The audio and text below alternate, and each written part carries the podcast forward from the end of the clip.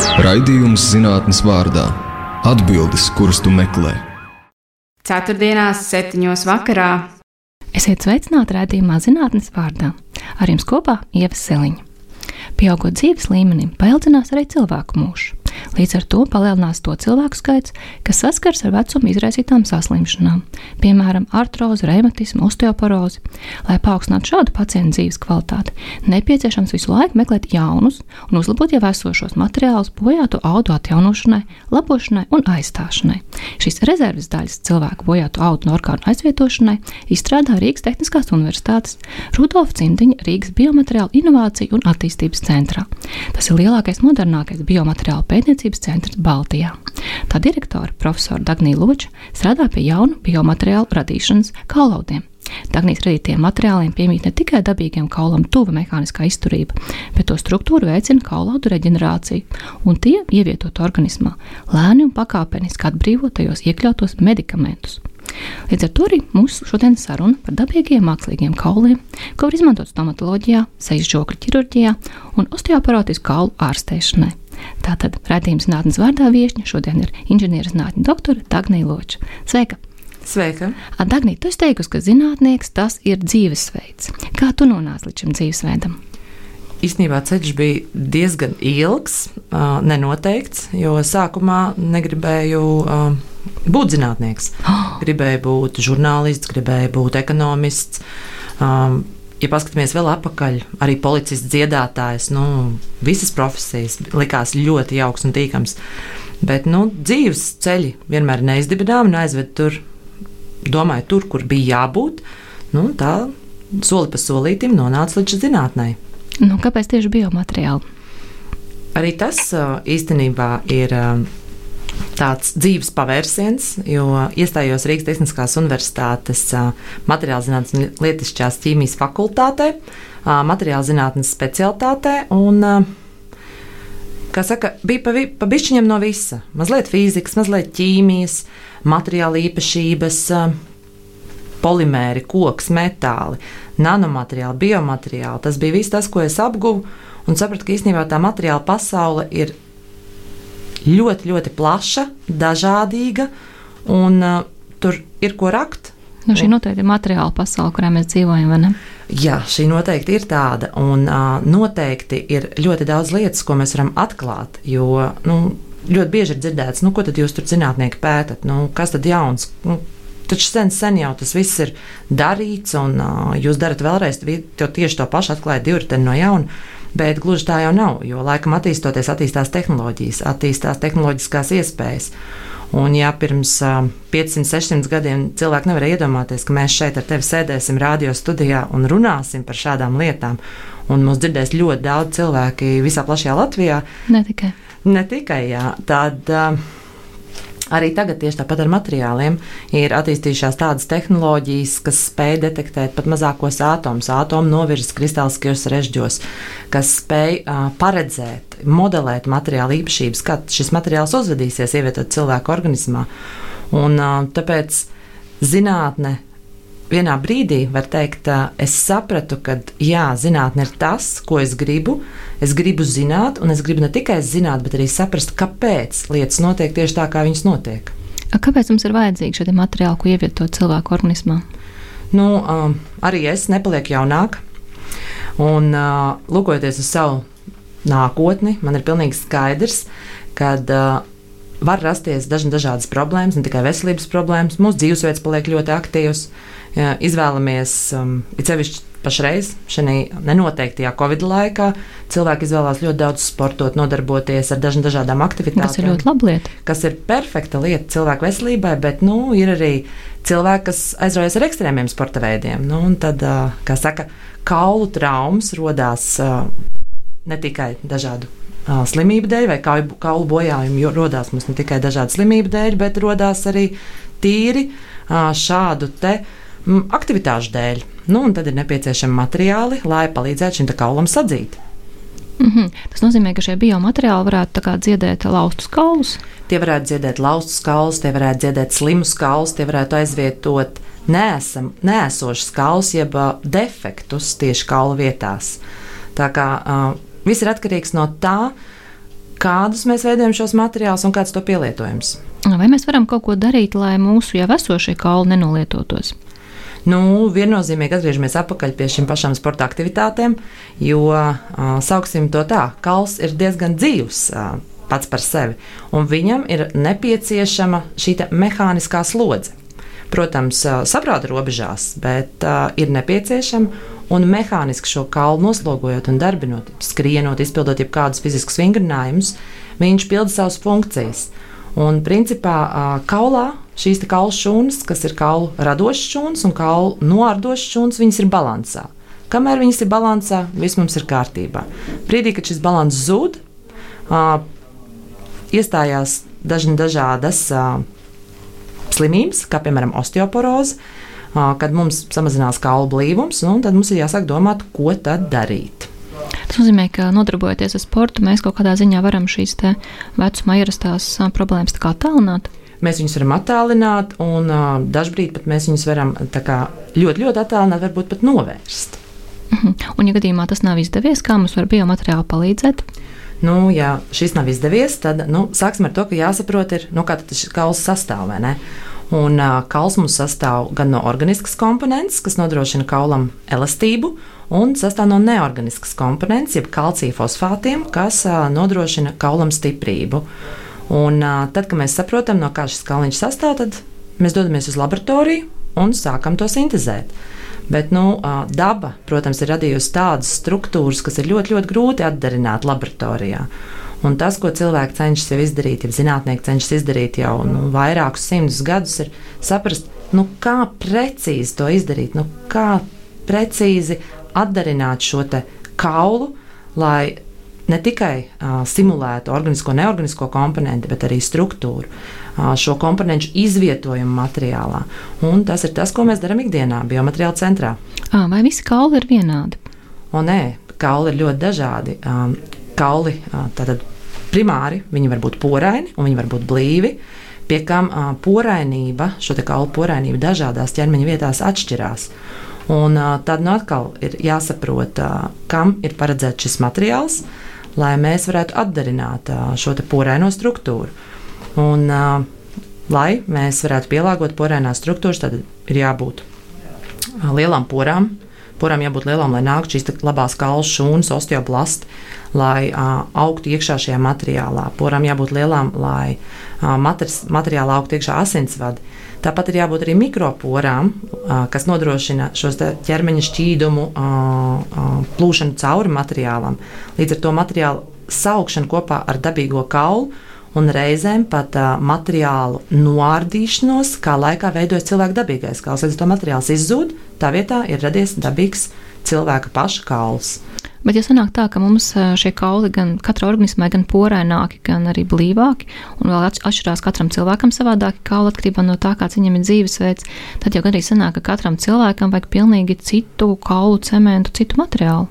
Tieši tā tas arī ir. Un pašreiz zinātniskā sabiedrība virzās uz tā saucamo precīzijas medicīnu, kad katram pacientam tiek pielāgots šis materiāla sastāvs, materiāla morfoloģija, materiāla mikrostruktūra tieši tāda, kāda ir nepieciešama šim individam.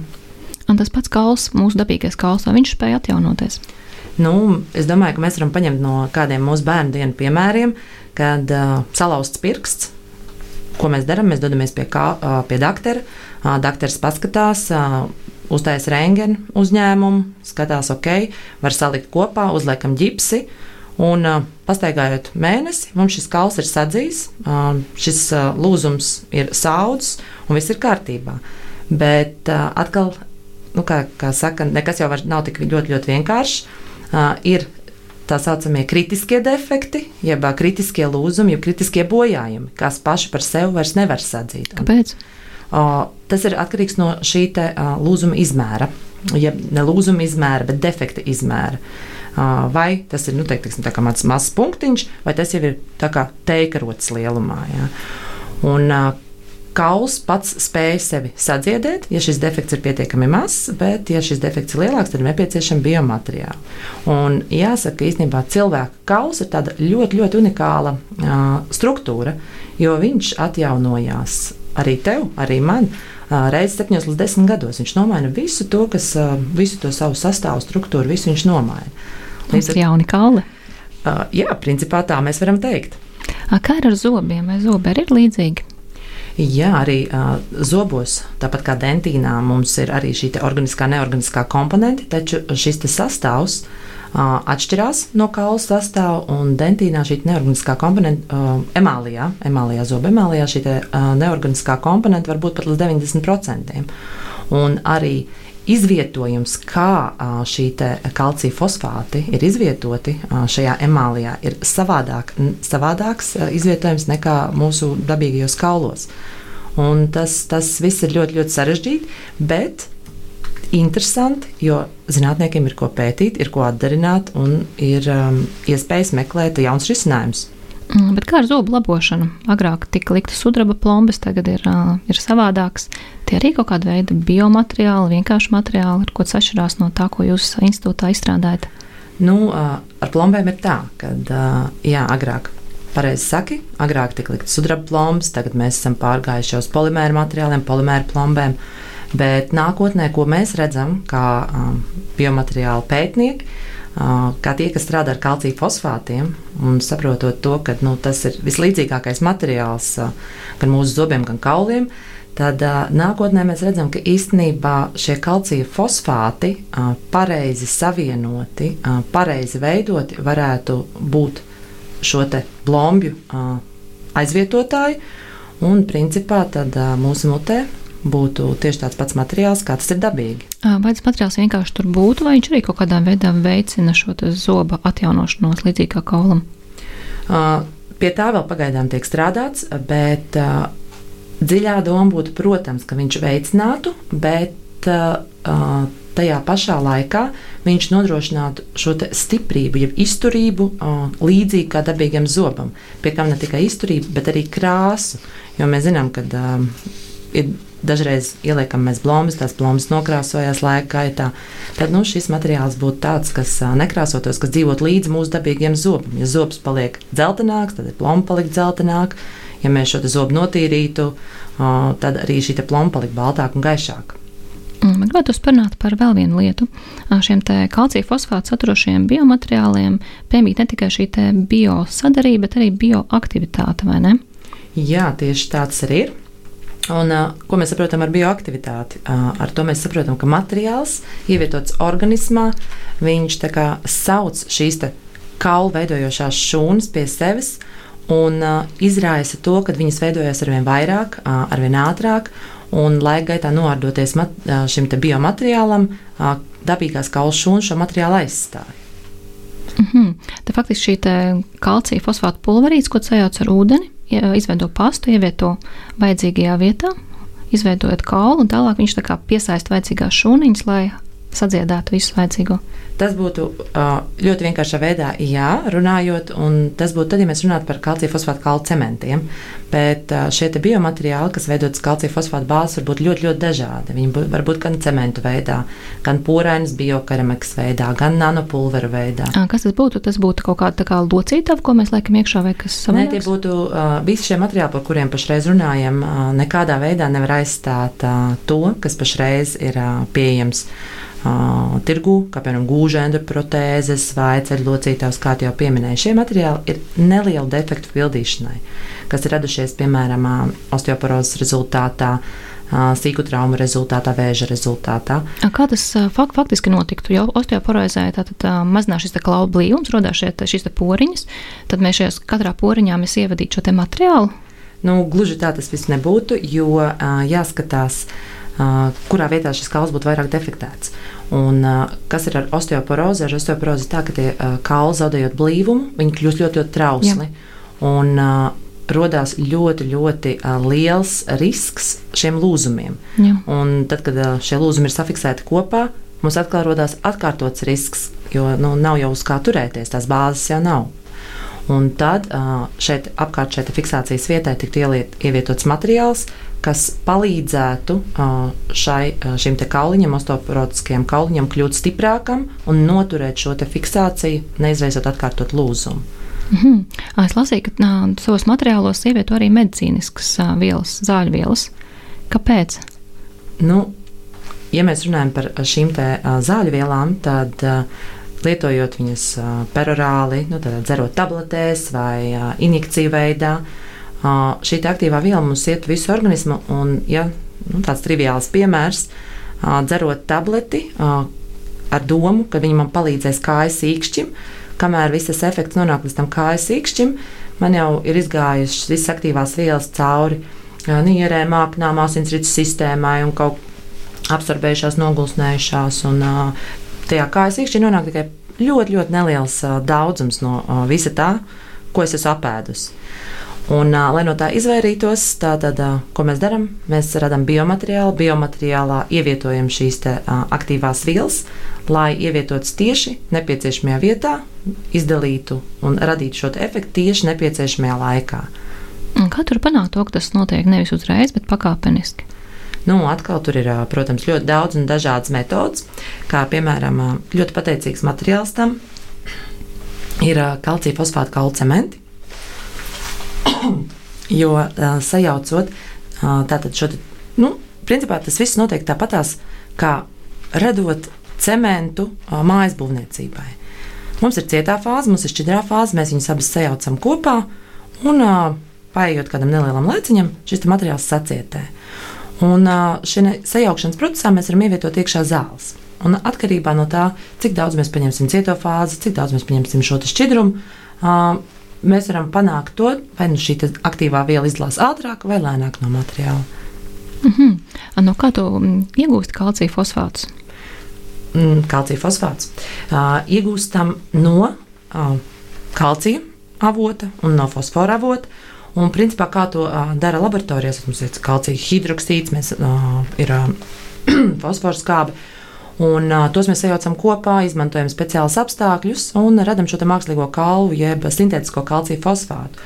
Taču, uh, kur iet, uz kurien iet zinātnē, zinātnē uz kaut ko inovatīvu. Un tieši tāpat arī mēs, biomateriālu centrā, uh, mēģinām saprast, vai no atkritumiem mēs varētu ražot šo kalciju fosfātu. Brīnišķīgs risinājums. Bet ar atkritumiem, jāsaka, tā nav domāts tas, ko mēs redzam tajās lielajās zaļajās miskastēs, ko mēs metam ārā ja, pie mājām. Bet šoreiz ar atkritumiem ir domāts um, olu čaumals. Un, jāsaka, arī biomateriāla centrā mēs esam uzsākuši Baltijas pētniecības programmas projekta atkritumu resursiem stratēģijas piemērošanu olu čaumalu pārveidošanā par nākamās paudzes biomateriāliem, kaulu reģenerācijā projektu, kur kopā ar norvēģiem, islandiešiem, igauņiem uh, spēsim radīt jaunu šo izēvielu, jeb sintētisko kalcija fosfātu ar pielietojumu jau tālāko biomateriāliem. Ar pilnīgi dabīgu izcelsmi. Ar pilnīgi dabīgu izcelsmi un izcelsmi tepat no Latvijas, no uh, mūsu tātad uzņēmuma Biovo. Un, uh, mums arī ļoti cieša sadarbība uh, ar viņiem. Un, uh, šīs te vēl čaumals skatīsimies, kā nonāks tālāk jau uh, nākamajos biomateriālos. No, es pilnīgi savādāk skatīšos uz čaumalu. Šis ir rādījums zinātnes vārdā ar jums kopā ar Ievu Seliņu. Viesos mums šodien ir Rudolfa Cimdeņa, Rīgas biomateriālu inovāciju attīstības centra direktore Dagnija Loča. Turpināsim sarunu par mākslīgo kaulu materiāliem. Dagnītu teica, lai atdarinātu kaulu struktūru, mums nepietiek tikai kalcija fosfātiem, bet vajadzīga arī organiskā komponente. Kā mēs iegūstam šos kompozītu materiālus un kā mēs tos nākotnē varētu pielietot? Jā, organiskā komponente ir ļoti svarīga, jo tā nodrošina uh, kauliem to el elastību. Un, uh, tas, ko mēs atkal biomateriāla centrā mēģinām saprast, kā tad mēs šo sintētisko kalciju fosfātu, kas ir uzsintēzēts, varam savienot ar kādu no šiem organiskajiem komponentiem. Un par organisko komponentu pašreiz esam izvēlējušies hilaronskābi, kas arī īstenībā ir mūsu ārpušunas matricas sastāvdaļa, ļoti, ļoti tuvu organismam un sadarīga ar to. Un tā mēs fundamentālo un lietišķo pētījumu projektu ietveros inicējam pašķērsaistošu kompozītu hidrogēlu kaulaudu atjaunošanai, radam šādus materiālus, kuri ne tikai atdarinās mums kaulu struktūru, bet mēs varēsim ievadīt viņus organismā mazinvazīvā ceļā. Tas nozīmē, ka īstenībā nevajadzēs lielas, plašas operācijas, bet uh, varēsim izmantot šķirci ar pietiekami liela izmēra adatu, lai šādu kompozītu ievietotu organismā un tieši nepieciešamajā vietā un laikā šis kompozīts sacietētu. Hmm, Kilrons kāpu izmanto arī kosmetoloģijā, vai ne? Jā, viņi ļoti plaši izmanto kosmetoloģijā, viņi izmanto dažādos sejas krēmos, lai padarītu sievietes jaunākas, skaistākas, vai ne? Tagad no ārpuses un arī no iekšpuses kauliem, vai ne? Nu, viss, kas der ārpusē, reiz nonāk arī iekšā. Jā, taisnība. Kā ir ar biomateriālu pielietojumu estētiskajā ķirurģijā, vai arī biomateriāli palīdzētu mainīt izskatu? Jā, biomateriāli var palīdzēt mainīt izskatu. Šie paši kalcija fosfāta uh, izējumateriāli, ja viņi ir uztaisīti pareizās formās, uh, var tikt izmantoti arī, uh, sauksim to, rekonstruktīvā vai plastiskajā sejas ķirurģijā. Uh, mainot vaigu kaulu, uh, augstumu, uh, tilpumu, uh, um, mainot, uh, palīdzot teiksim, arī uh, mainīt žogļa kaulu formas. Um, tas, tas viss tiek darīts, un um, šādas procedūras arī um, ir aprakstītas zinātniskajā literatūrā. Un tas arī varētu būt cerams ar šķircīti vajadzīgajā vietā bez lielas operācijas. Viss atkal atkarīgs no tā, cik liels ir šis defekts vai ko mēs mēģinām panākt. Kā pati es neesmu ķirurgs, līdz ar to tā smalki izstāstīt es nevarēšu, bet, nu, jā, Ja defekts ir liels, ir, protams, nepieciešama laušana, zāģēšana, griešana, un tur, tur neko šķircīt mēs nepanāksim. Bet, ja defekts ir pietiekami mazs, tad, protams, arī šādus materiālus mēs varētu izmantot šajās procedūrās. A, cik sarežģīti vispār ir panākt dažādu funkcionalitāti biomateriālos? Uh, teiktu sarežģīti, jo mainot vienu lietu, būtiski mainās pavisam cita lieta. Ja mēs mēģinām veidot materiālu, kas ātrāk šķīst, mēs atkal samazinām kaut kur tā mehāniskās īpašības. Savukārt, ja mēs mēģinām izveidot materiālu, kas ir ļoti mehāniski izturīgs, tad mēs samazinām tā porainību. Un, tad mūsu uzdevums ir vienmēr atrast to zelta vidusceļu, kā panākt vēlamo efektu, un tajā pašā laikā um, radīt materiālu, kas būtu tāds plašākam pielietojumam. Nozīmē, ka tu meklē zelta vidusceļu. Principā, jā, tas vienmēr ir tāds līdzsvars. Tas nav tā, ka mēs varēsim izvēlēties, es gribētu tādu materiālu vai savādāku materiālu. Starp citu, pie, šī, te, pie šīs tēmas mēs arī jau kādus piecus gadus atpakaļ strādājām, atklājot, ka īstenībā šo kalcija fosfātus, jeb sintētisko kalu materiālu, mēs varam radīt dažādās krāsās, atkarībā no tam pieliktiem joniem. Līdz ar to nākotnē atgriežamies pie šīm plombēm. Tāda, ja nebūtu vēlme, piemēram, plombi izmantot krāsā, kāds dabīgais zobiņš, tad varētu sievietes izvēlēties rozā blombas, vīrieši varētu izvēlēties zilas blombas. Nu, tas tas tā, tā, tāds estētiskais aspekts varētu būt. Nu, arī krāsains kauls varētu būt ļoti skaists estētisks efekts. Varētu būt, bet, nu, diemžēl, neviens to nespēs novērtēt, ne? Kā tev šķiet, kā vispār nākotnē attīstīsies biomateriāli? Domāju, ka biomateriāla pētniecība diezgan straujiem soļiem iet uz priekšu. Un, ja mēs runājam par to pašu precīzijas medicīnu, tad jau pašreiz šie visi materiāli tiek piemēroti um, katram individuālam pacientam, 3D skenējot uh, viņa kaulus, saprotot, kāds ir šis defekts, uh, printējot šos materiālus turpat uh, operācijas zālēs uz vietas un uh, liekot, liekot viņus iekšā. Uh, cilvēkos. Tāpat tās jāsaka, ka ne tikai precīzijas medicīna iet uz priekšu, iet uz priekšu arī nanozinātne. Tiek radītas tādas sistēmas, kas organismā nepieciešamajā vietā, piemēram, ja pēkšņi ir radies vēzis, viņas saprot, ka šīs ir vēža šūnas, un šīs nano ierīces atbrīvo šīs zāles un šo vēzi nogalina. Tas ir tas, domāju, uz ko iet šī biomateriāla zinātne, tāpat kā arī nu, skanēs tā ļoti skaļi, bet uh, mākslīgo audu un orgānu audzēšana. Pašreiz mēs varam izaudzēt ādu, mēs varam uh, mākslīgo ādu, bet no cilvēka paša šūnām. Un, uh, es domāju, ka uh, mēs ejam uz to, ka varēs izaudzēt no cilvēka paša šūnām arī citus orgānus un pēc tam nepieciešamības gadījumā implantēt to cilvēkiem. Tas šobrīd jau ir pieejams izaudzēt ādu un uzlikt kādā vajadzīgā vietā. Pētījumi par šīs mākslīgās ādas radīšanu cilvēku dabīgajām šūnām ir pieejami, bet par to, vai klinikā tos izmanto, to gan es tev nepateikšu. Kā tu domā par zinātniskās fantastikas filmām, kur ir dažādi kiborgi vai cilvēku mākslīgie ķermeņi, kas tiek mainīti viens otrs, trešais vai kaut kas tāds ir teorētiski iespējams? Es domāju, ka teorētiski jā. Ne tagad, ne šodien, bet noteikti pēc daudziem gadiem. Jo arī pašreiz tieši nu, pajautāju šo jautājumu. Es atceros filmu, ko es sestdien skatījos, 70. gadu filmu. Skatījos, nu, es domāju, vis, visdrīzāk 70. gados cilvēki skatījās šo filmu arī tādu zinātniskā, fantastiski nedaudz.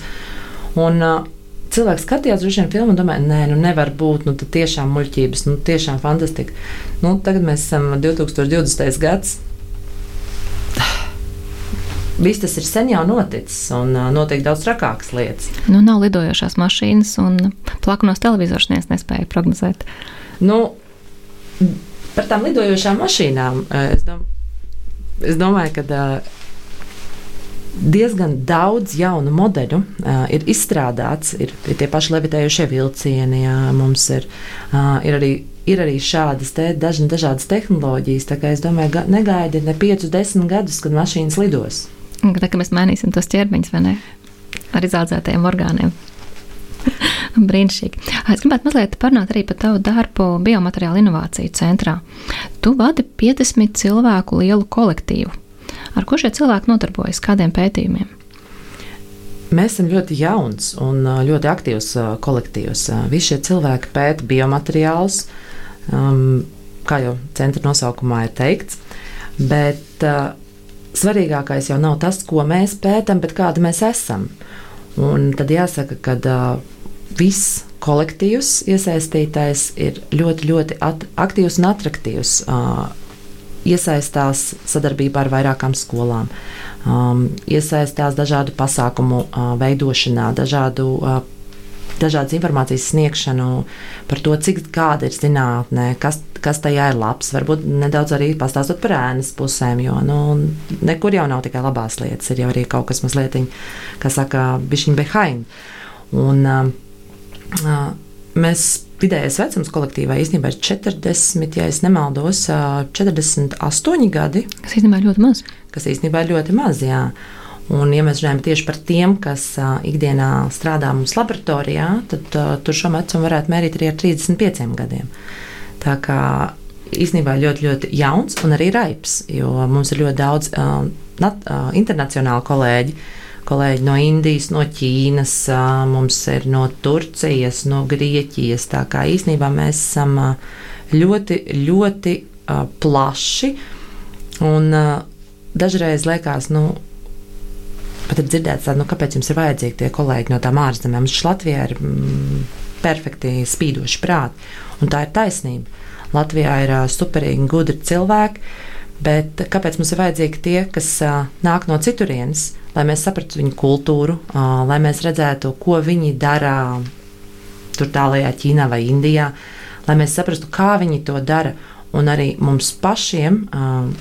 Tas ir ļoti, ļoti nepieciešams, lai izprastu šīs dažādas kultūras nianses. Kā jūs iesaistat jauniešu zinātnē?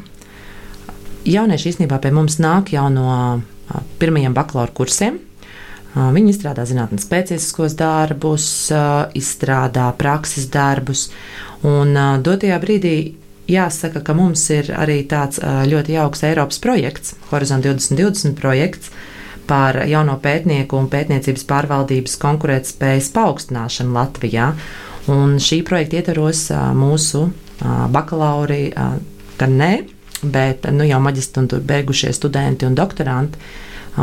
Doktorantiem būs iespēja tātad doties pie ārzemju partneriem uz Franciju, uz Šveici, uz Vāciju, veikt dažādus pētījumus, piedalīties vasaras un ziemas skolās, mācoties par to, kā šī biomateriāla pētniecība notiek klīnikā, kas mums ir partneris Vācijā, kā augsta līmeņa pētījuma kalcija fosfāta jomā notiek Francijā, un kā mēs to visu varam komercializēt, jeb pārnest uz veikala plauktiem. Un šeit šo mums apmācīs, jauniešiem mācīs tātad partneris Šveicē. Kādu jomu jaunieši var pieteikties šajā projektā? Kāda veida, nu, kādiem studentiem tas droši vien ir materiāla zinātne, vai ne? Vai arī ķīmiķi, biologi?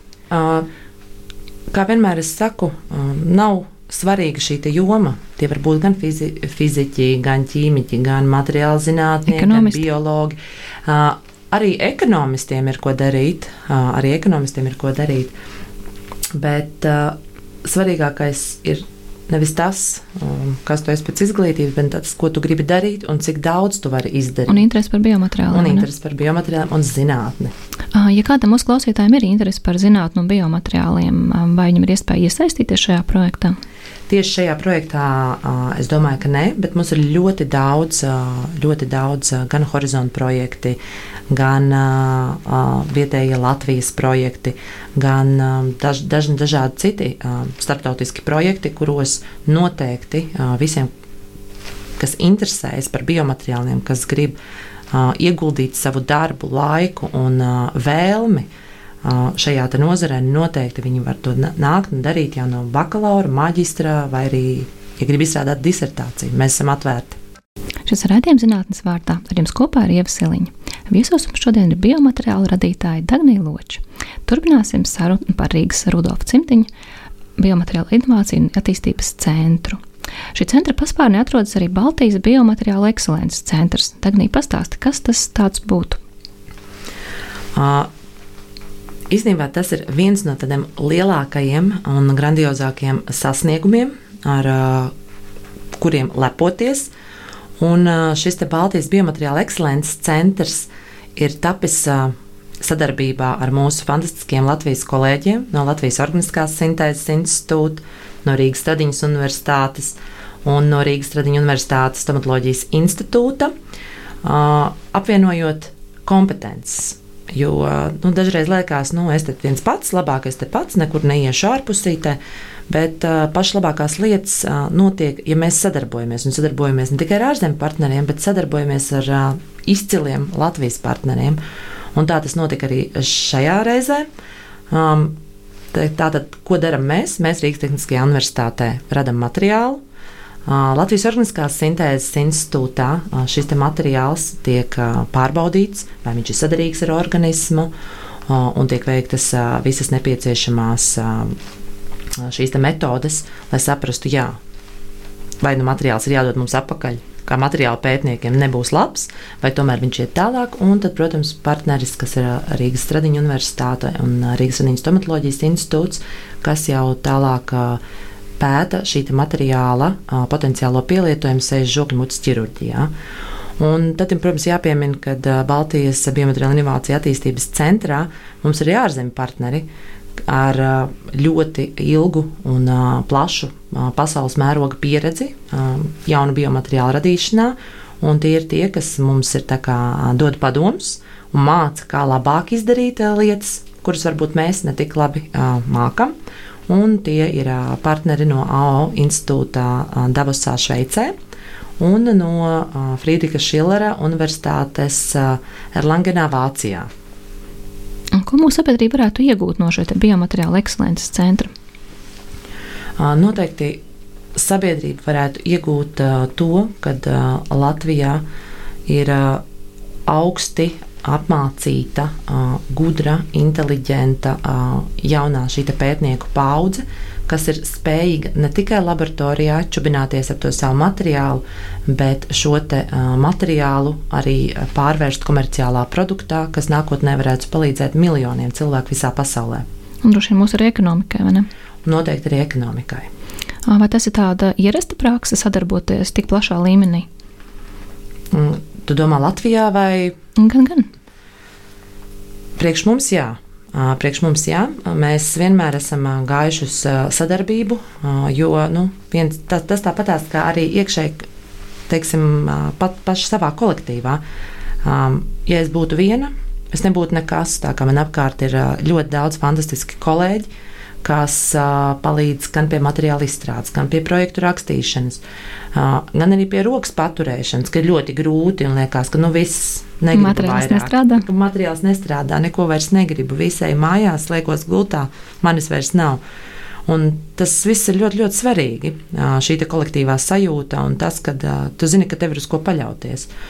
Un, uh, tieši tāpat arī, arī Latvijas mērogā tas ir svarīgi sadarboties vienam ar otru, jo katram mums ir sava kompetence. Un, uh, nenoliekšu, ka uh, es nezinu ļoti daudz lietas, un tas ir tikai normāli nezināt. Bet, kā saka, kauns nav nezināt, kauns ir neprasīt padomu. Ja? Un tas ir tas, ko mēs varam izdarīt. Mēs varam sadarboties ar tiem, kas zina, tiem, ar tiem, kuriem ir kompetence šajā jomā. Tas ir īstenībā arī tas, ko mēs darām šī Baltijas biomateriāla ekscelences centra ietvaros. Faktiski veidojot saites arī tālākiem projektiem, vai ne? Noteikti veidojam saites tālākiem projektiem, jo viens ir tas, ko tu esi dzirdējis par šo institūciju vai tām grupām, ar kurām tu sadarbojies, bet otrs tikai tad, kad tu uzsāc šo kopīgo darbu, tu saproti, uz ko viņi ir spējīgi. Un saproti, ka jā, viņi ir spējīgi uz daudz vairāk nekā tu pirms tam vispār biji cerējis. Par daudz lietām runājot, no tavas pašas karjeras stāsts patiesībā ir tāds um, ļoti labs piemērs jaunajiem zinātniekiem. Tu varētu dot um, padomus, jo neilgā laikā no laborantas kļuva par profesoru, institūta direktori. Es saņēmu dažādas apbalvojumus, piemēram, Lorēla Latvijas uh, stipendijas sievietēm zinātnē, ar tevu gadu jaunā zinātniece esi bijusi. Saki, kas ir tavu panākumu atslēga pamatā? Tas varbūt tā skaļi būs teikts, bet es, es ļoti mīlu cilvēkus. Man patīk sadarboties ar cilvēkiem, man patīk kopdarbs ar cilvēkiem. Un, uh, es domāju, ka es nebūtu tas tāds latviešu konservatīvisms, vai ne? Kad tu nosauc visus tos titulus un es tā uzreiz sakautrējos. Bet um, Es domāju, ka man nebūtu uz pusi tik daudz šo godālu apbalvojumu un viss pārējais, ja man nebūtu šī fantastiskā kolektīva, kas ikdienā strādā plecu pie pleca, veicot šos nozīmīgos pētījumus, rakstot šos projektu pieteikumus un piedaloties it visā. Kas ir bijis lielākais pārsteigums zinātniskajā darbā? Nu, zinātniskajā darbā par to pārsteigumu uh, ir tā, ka katra diena ir kaut kas jauns Katru dienu uh, nāk kāds students un saka, klausies, tu teici, nu izdari tā vai tā. Nu, es izdarīju, nu nesenāk man nekas. Un jau pēc pusdienas trījiem, četriem viņš nāk, klausies, es izdarīju bišķiņu savādāk, sanāca. Un sanāk, ka, nu, principā katru dienu tu pārdzīvo kaut ko jaunu, kaut ko interesantu, un uh, galvenais uzdevums ir saprast, kāpēc. Un tad jau sākas tas īstais darbs, lai saprastu, kāpēc tas notika un kā to atkārtot. Tātad nevis tikai izdarīt, bet um, aizrakties līdz saknē. Tieši tā ir jāizrokās un jāsaprot, jo savādāk to darbiņu, kas ir izdarīts, var nolikt plauktiņā, viņš arī stāvēs. Bet, ja tu saproti, kāpēc, tas ir numur viens, un otrs, tu pastāsti to arī citiem, tad uh, tas darbs nav bijis velts. Tas nozīmē, ka vajag ļoti in, tā, it, tādu interesantu cilvēku profilu, vai ne, kuram gribas aizrakties līdz saknē un saprast, lai nodarbotos ar šo. Nu, lai nodarbotos ar zinātnē, jau pašā, pašā sākumā, kā tu teici, tam ir jābūt dzīvesveidam.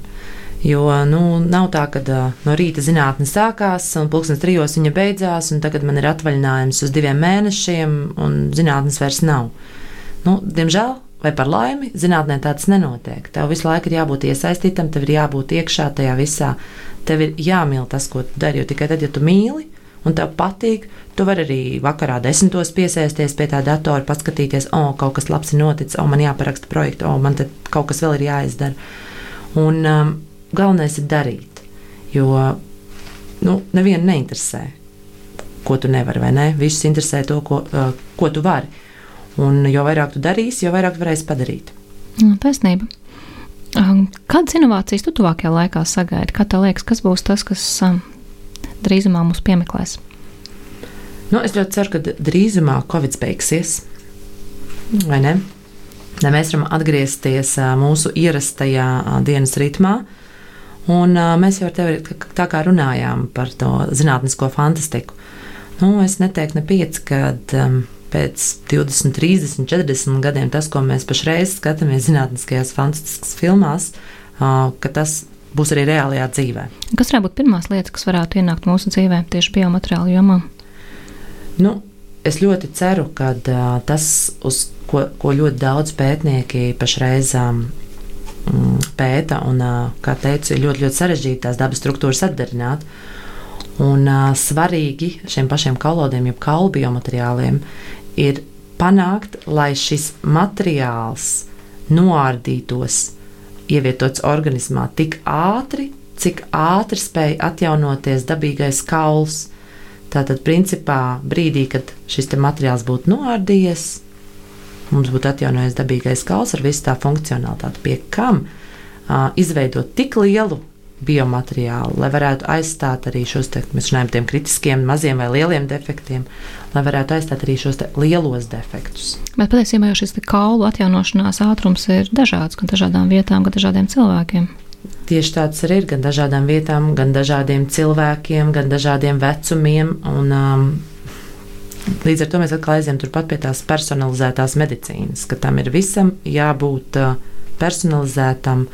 Un, uh, arī, man liekas, nesen kaut kur pirms pāris mēnešiem ziņās rādīja um, šo te jaunās iespējas, kad noskanēt cilvēku un pasaka, nu, teiksim, viņam tur, tur ir asinsvada, tur ir asinsvada, bet tur bija šis savādāks, kaut kas tur vēl kaut kas ir savādāks. Izveido viņu tā tādu karti. Un līdz ar to, ja viņam ir kādas problēmas, viņš iet uz šīm operācijām, tad principā jau ir skaidrs, zināms, kādus materiālus vai ko viņam vajadzēs nākotnē. Nu, es domāju, ka šī arī ir tā nākotne, uz kuru mēs ejam. Vai mēs ar tevi to piedzīvosim? Nu, es ceru, ka jā. Tā faktiski nākotne kaut kādā ziņā ir datos, precīzi kādi mēs esam. Es teiktu, ka jā, noteikti. Kad uh, uz to, uz tām cilvēku atšķirībām, uh, vairāk saprast, nevis kas ir vajadzīgs, bet precīzi uh, saprast, kurā vietā, uh, cik liels, cik smags un piemērots katram cilvēkam.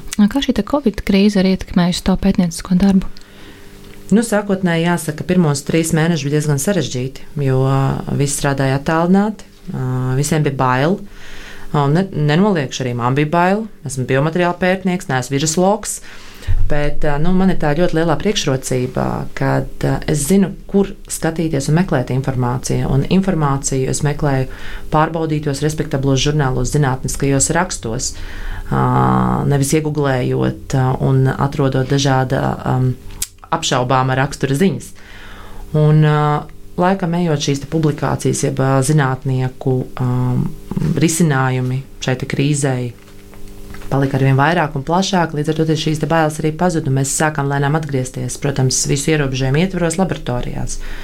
Un pašreiz jau, protams, mēs staigājam maskās, mums ir uh, grafiks, uh, divi metri, viss pārējais. Mēs ļoti, ļoti gaidām, kad uh, būs jaunie rīkojumi par to, ka tomēr tie vakcinētie cilvēki varēs darbā pulcēties, un viss kolektīvs varēs priecīgi nevis maiņās, pa divi, pa četri, bet viss varēs maiņās, viss varēs uzreiz atgriezties uz vietas darbā un veidot jaunus biomateriālus, kas nākotnē varētu palīdzēt visai pasaulē. Un nosacījumi par to, ka vakcinēti atgriežas laboratorijās.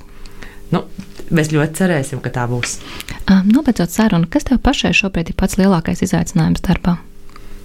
Sabalansēt laiku Jo ņemot vērā, ka, nu, ja pirms tam, teiksim, bija sanāksmes, sanāksmes dzīvajā, kā tagad mēs runājam, aci pret aci, arī tad bija nu, sanāksmes, bet tu zini, kur tev ir jābūt, kā tev ir jābūt. Pašreiz digitālajā laikmetā, Covid laikmetā, kā es to saucu, ir neskaitāmas Zoom sanāksmes pie kam tās sanāksmes tiek saliktas tā, ka viņas ir vienlaicīgi. Tad tu sēdi principā ar datoru, ar portatīvo datoru un vēl telefonā. Un tu mēģini visu laiku to uzmanību kaut kā, kaut kā dalīt. Bet nu, tas, kas ir sadalīts, kas, kas dara visam, nedara nekam. Un, uh, tas man liekas, ir tas lielākais izaicinājums, tā mūžīgā sēdešana pie datora. Uh, um, mazāk komunikācija ar cilvēkiem, jo komunicēt vienam ar otru klātienē ir pavisam kas cits nekā komunicēt caur datoru. Un, uh, Tie ir tie lielākie izaicinājumi, ar kuriem, man liekas, mēs visi, ne tikai mēs kā zinātnieki, bet mēs visi, kā cilvēks, esam saskārušies uh, šī pēdējā pusotra gada laikā. Jā, jācer, ka viss um, atgriezīsies vai ne, jo savādāk jau darba produktivitāte mums krītās. Nu, ir jomas, kas saka, ka darba produktivitāte pieaug, Bet nu, zinātnē es teikšu, ka uh, tomēr ir vajadzīga šī klātienē, tās pašas konferences, kur mēs kā zinātnieki braucam, uh, smelties jaunas idejas, skatīties, ko visa pasaule ir izdarījusi, un runāties ar citiem, bet runāties acis pret aci. Jo tad, kad šī konference notiek digitāli, jā, tu redzi, ko viņi ir izdarījuši, bet tu nevari uzdot personīgus jautājumus, tu nevari ar viņiem padzert kafiju, tu nevari uh, pajautāt. Uh, daudz un dažādas lietas, jo tu zini, ka šī digitālajā vidē tu nedabūsi šo atbildi. Savukārt, personīgi runājot ar cilvēku, tu vienmēr noskaidrosi daudz vairāk informācijas nekā tu to vari izdarīt digitāli. Taisnība. Paldies! Dagnija ļoti priecājas par tiem panākumiem. Novēl nozīmīgs atklājums arī turpmāk. Atgādinu, ka raidījumā zinātnes vārdā bija Rīgas Tehniskās Universitātes Rudolfa Cimdiņa, Rīgas Biomateriālu Inovāciju attīstības centra direktore Dagnija Loča. Studijā bija Ievsiliņa. Lai jums visiem veselīga diena šajā materiālajā pasaulē. Atā! Atā. Raidījums zinātnes vārdā - atbildes, kuras tu meklē. Ceturtdienās, septiņos vakarā